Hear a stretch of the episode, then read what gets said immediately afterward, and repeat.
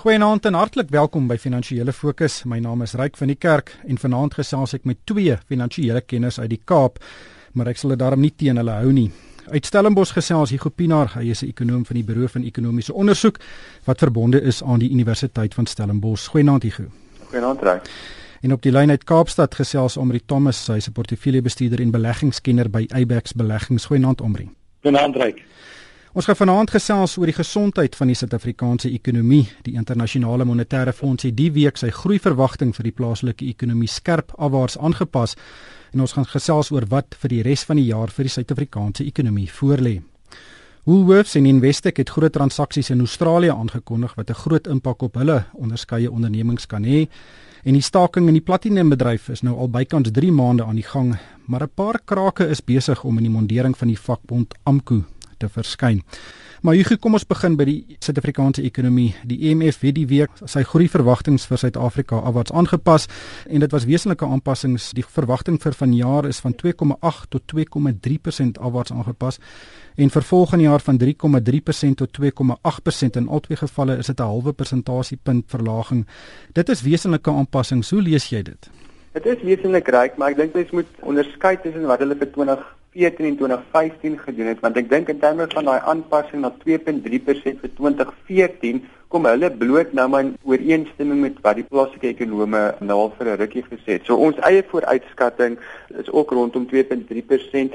Die jongste Reuters konsensus is ook omtrent in daai omgewing.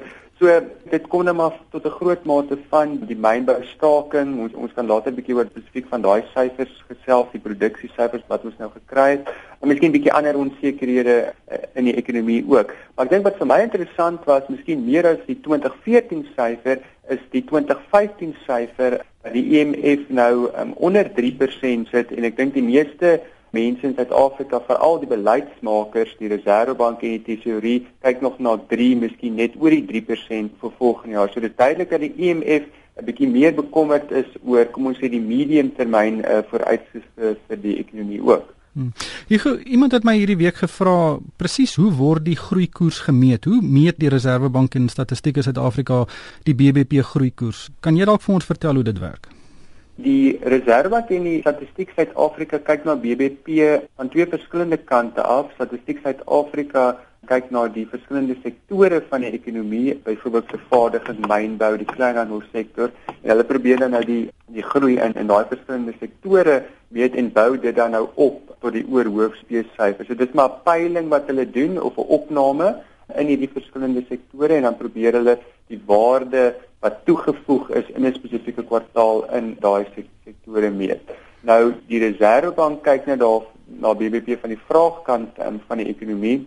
So die komponente waarna hulle sal kyk is oor hoofse verbruiksbesteding wat dan nou kleinhandel waarna Statistiek Suid-Afrika kyk insluit, maar dit is baie breë. Dit, sluit besteding op dienste, byvoorbeeld as jy na 'n restaurant toe gaan, sou dit insluit, ehm um, nuwe voertuigverkope sou dit insluit. So verbruiksbesteding is die grootste komponent daarvan, maar dan kyk mens ook na vaste investering byvoorbeeld as weet nuwe geboue of paaie wat wat gebou word dit sal in die vaste investering deel ingaan en dan natuurlik ook netto uitvoere met ander woorde uitvoer en invoer word in die vraagkant BBP um, ingesluit. En op die ou einde van die dag met daai twee maatstawwe van BBP moet op die ou einde vir dieselfde uh, prentjie gee. Nou Statistiek Suid-Afrika se syfer word eers bekend gemaak die die sektorale een en dit lei dan nou bytelmal daartoe dat die Reserwebank bietjie moet spesifieke aanpassings maak sodat hulle syfer by daai selfde een as as statistiek Suid-Afrika uitkom. Dit is 'n bietjie tegnies. Mm. Uh, maar maar, maar is daar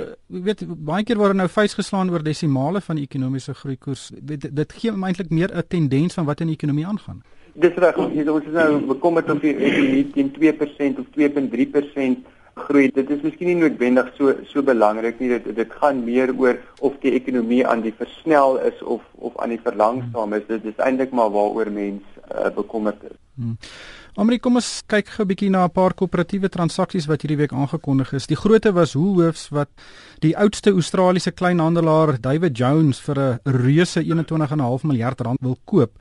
Um, en dit sal Woolworths een van die grootste kleinhandelaars in die suidelike halfrond maak. So baie groot transaksie vir Woolies is dit 'n ongelooflike groot transaksie omtrent 'n kwart van sy markwaarde wat hier ter sprake is. Wat dink jy van hierdie transaksie?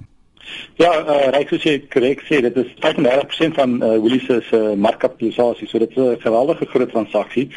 En as jy die twee maatskappye saamvoeg, gaan dit vir jou omset gee van oor die 50 miljard rand. So dit gaan 'n massiewe kleinhandelaar wees en uh, natuurlik met die aankoop sal omtrent 40% van die omset dan van Australië afkom. Die mark was redelik negatief daarop en die rede daarvoor is dat uh, Woolies betaal 'n geweldige premie om hierdie goeie maatskappy te kry. Hulle het 'n prysverdienste van 21.5 aangebied wat 'n 25% premie teenoor die prys was waar hy uh, verhandel het voor die aanbod. So soos te verwagte is die Australiese analiste baie opgewonde oor die transaksie want hulle kry 'n goeie prys maar die Suid-Afrikaners is is op die oomblik bietjie meer skepties daaroor. Maar dis nie um, maar dis nie asof weet David Jones op 6 silinders uh, vier op die oomblik nie. Daai besigheid sukkel in Australië. Presies, ek en ek dink dit is wat uh, Woolies bestuur sê en uh, as mens kyk wat hulle reg gekry het in Suid-Afrika en spesifiek een mooier met Country Road oor die jare, uh, moet mens hulle die krediet gee. Op die oomblik maak hulle omtrent so uh, David Jones maak omtrent so 100 miljoen Australiese dollar wins. En hulle reken net deur 'n bietjie veranderings te maak, 'n uh, bietjie meer eie handelsmerkprodukte in te bring, kan hulle oor die volgende 5 jaar 130 miljoen dollar addisionele winste konservatief uh, bybring.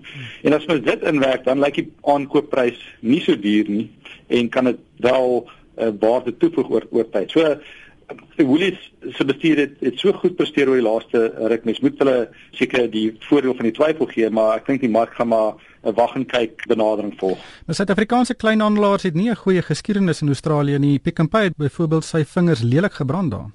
Ja, ek as jy kyk, daar's 'n daar's 'n paar grafstene in Australië. Ek bedoel die die nuutste een is nou Investec wat ook nou ja. uit Australië klim wat al soveel jare verliese daar gemaak het.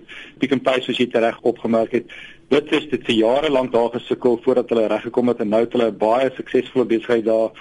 Imperial is besig om uit Australië te klim, Barloworld besig om uit Australië te klim. So dit is 'n ander kleinhandel omgewing en ek dink Suid-Afrikaners dink dit is dieselfde tipe omgewing en, en hulle uh, gaan 'n sukses daarvan maak, maar baie ons hulle vingers verbrand.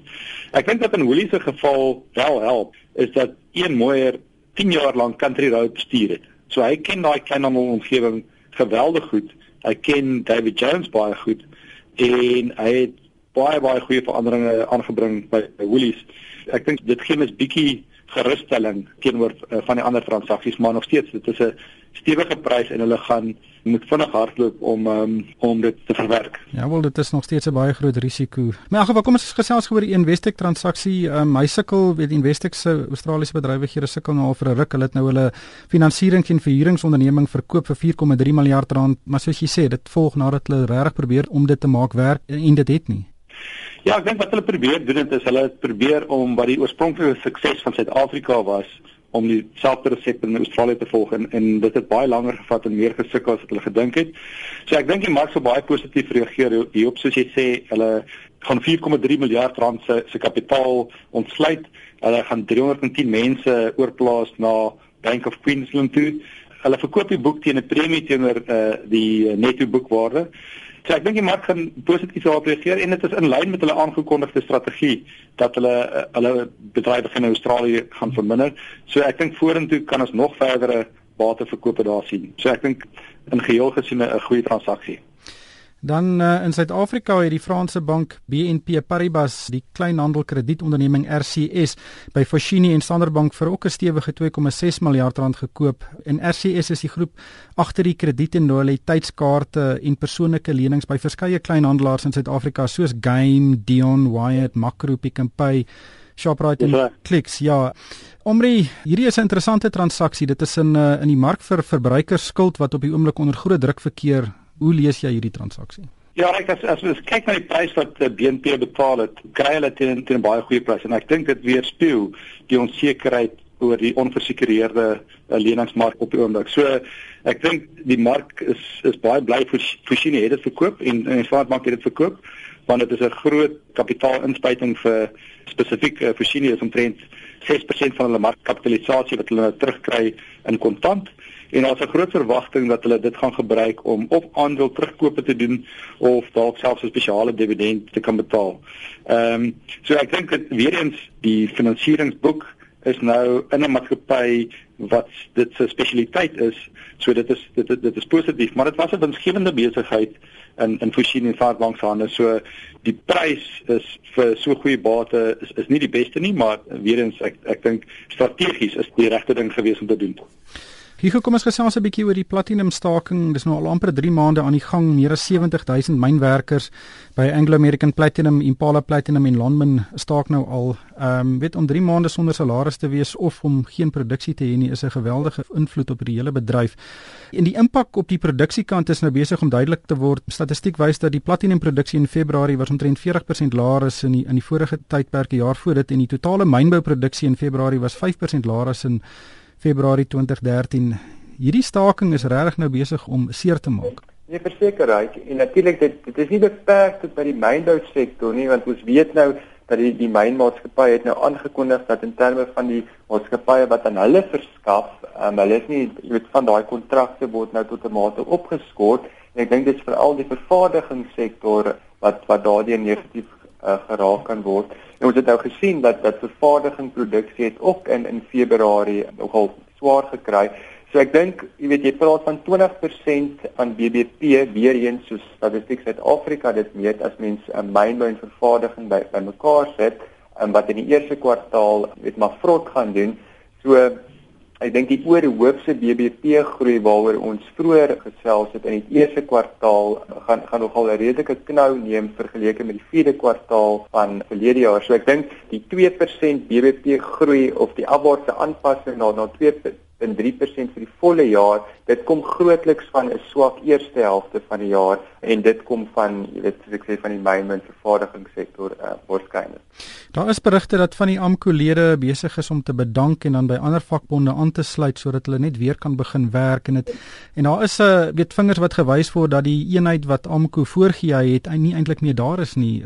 Wat dink jy van daai tipe van ontwikkelings? Oh, right, ek dink ehm um, dit dit dit sal my nie verbaas nie. Um, ek dink daar daar's mense wat wat al verwys het dat weet gewoonlik hierdie tipe van stakings hier na 6 weke is gewoonlik 'n bietjie van 'n ek wil amper sê 'n kritiese punt ehm um, waar in die verlies aan inkomste regtig hard begin slaan en ehm um, jy weet soos jy sê ons is nou amper by 3 maande in terme van van hierdie staking. So ek het ek het geen twyfel dat die mynwerkers ehm um, dit het 'n wesenlike invloed ehm um, op op hulle het. Net daar daar's beramings dat van van die mynmaatskappye dat van hierdie ouens nou of die meeste van hulle 20% van hulle jaarlikse inkomste nou al verbeur het ehm um, deur hierdie staking en ek mens sien die berigte wat uitkom van van Rustenburg um, hoe swaar 'n klein informele um, handelaars byvoorbeeld trek um, weens hierdie verlies aan inkomste. Omri, um, net laastens die die mark in die rand, weet die mark het hierdie week eintlik 'n goeie week agterheer gehad, maar Vrydag of Donderdag aand in Amerika was daar 'n bietjie van 'n regstelling in die Amerikaanse biotehnologie sektor. Hoe kan dit Suid-Afrika raak? Ryk ja, ek ek dink die die uh, aandele wat hoë groei aandele is is, is het bietjie donderdag aand onder druk gekom in Amerika en dit sluit natuurlik biotehnologie en ook jou uh, gewone internet uh, maatskappye in. En natuurlik Suid-Afrika word direk daardeur geraak in die sin dat uh, Tencent wat in China verhandelde internetmaatskappy is waar van Naspers 'n groot aandeelhouer is, so dit het 'n direkte impak op op Naspers. So dit is die enigste direkte impak, maar ek dink dit is ook 'n tekening van van sentiment is dat die mark raak bietjie bekommerd oor hoe vinnig hierdie hoë groei sektore gehardloop het en die wisselvalligheid wat ons daar sien is is beleggers wat nou sê miskien moet ons bietjie ehm um, versigtiger wees. So ek dink dit kan tot lei tot wisselvalligheid in die in die mark in die, in die kort termyn. Hmm. Die rand het ook 'n goeie week agter die rug. Hy lyk relatief stabiel hier rondom uh, tussen R10.30 en R10.40 teen die dollar. Uh, wat maak jy van die huidige vlak van die rand? Maar ek in die begin van die jaar was daar geweldige negativiteit teenoor opkomende markte en Suid-Afrika ingesluit en ons het groot kapitaaluitvloeye uit uh, opkomende markte en ook Suid-Afrika gesien. Wat ons wel gesien het in die laaste 3-4 weke is dat beleggers sê maar groei kom nog steeds voor in op, opkomende markte. Dit het nie heeltemal negatief gedraai of uh, gaan stil staan nie en opbrengste lyk lyk aantreklik. So ons het weer dit uh, omswaai daarvan gesien en ek dink die rand het ook natuurlik voordeel uh, daaruit getrek. Ehm um, as mens net kyk na baie van ons randgekoppelde aandele soos die banksektor, ons kleinhandelsektor, daai sektore weer baie sterk kapitaalappresiasie getoon met hierdie uh, kapitaalinvloei wat ons gesien het. Ehm um, so definitief buitelandse beleggers wat weer bietjie positief gedraai het teenoor Suid-Afrika. Ek moet sê as ek kyk na die strukturele probleme in Suid-Afrika, sal ek verbaas wees as die rand uh, vir 'n baie lang tyd per teen hierdie sterk vlakke uh, bly. Uh, oor tyd sal ek verwag dat dit weer bietjie begin verswak. Ongelukkig het die tyd ons ingehaal. Baie dankie aan Hugo Pinaar van die Buro van Ekonomiese Ondersoek in Stellenbosch en Amri Thomas van Abex Beleggings en vir my ryk van die kerk. Dankie vir die saamluister.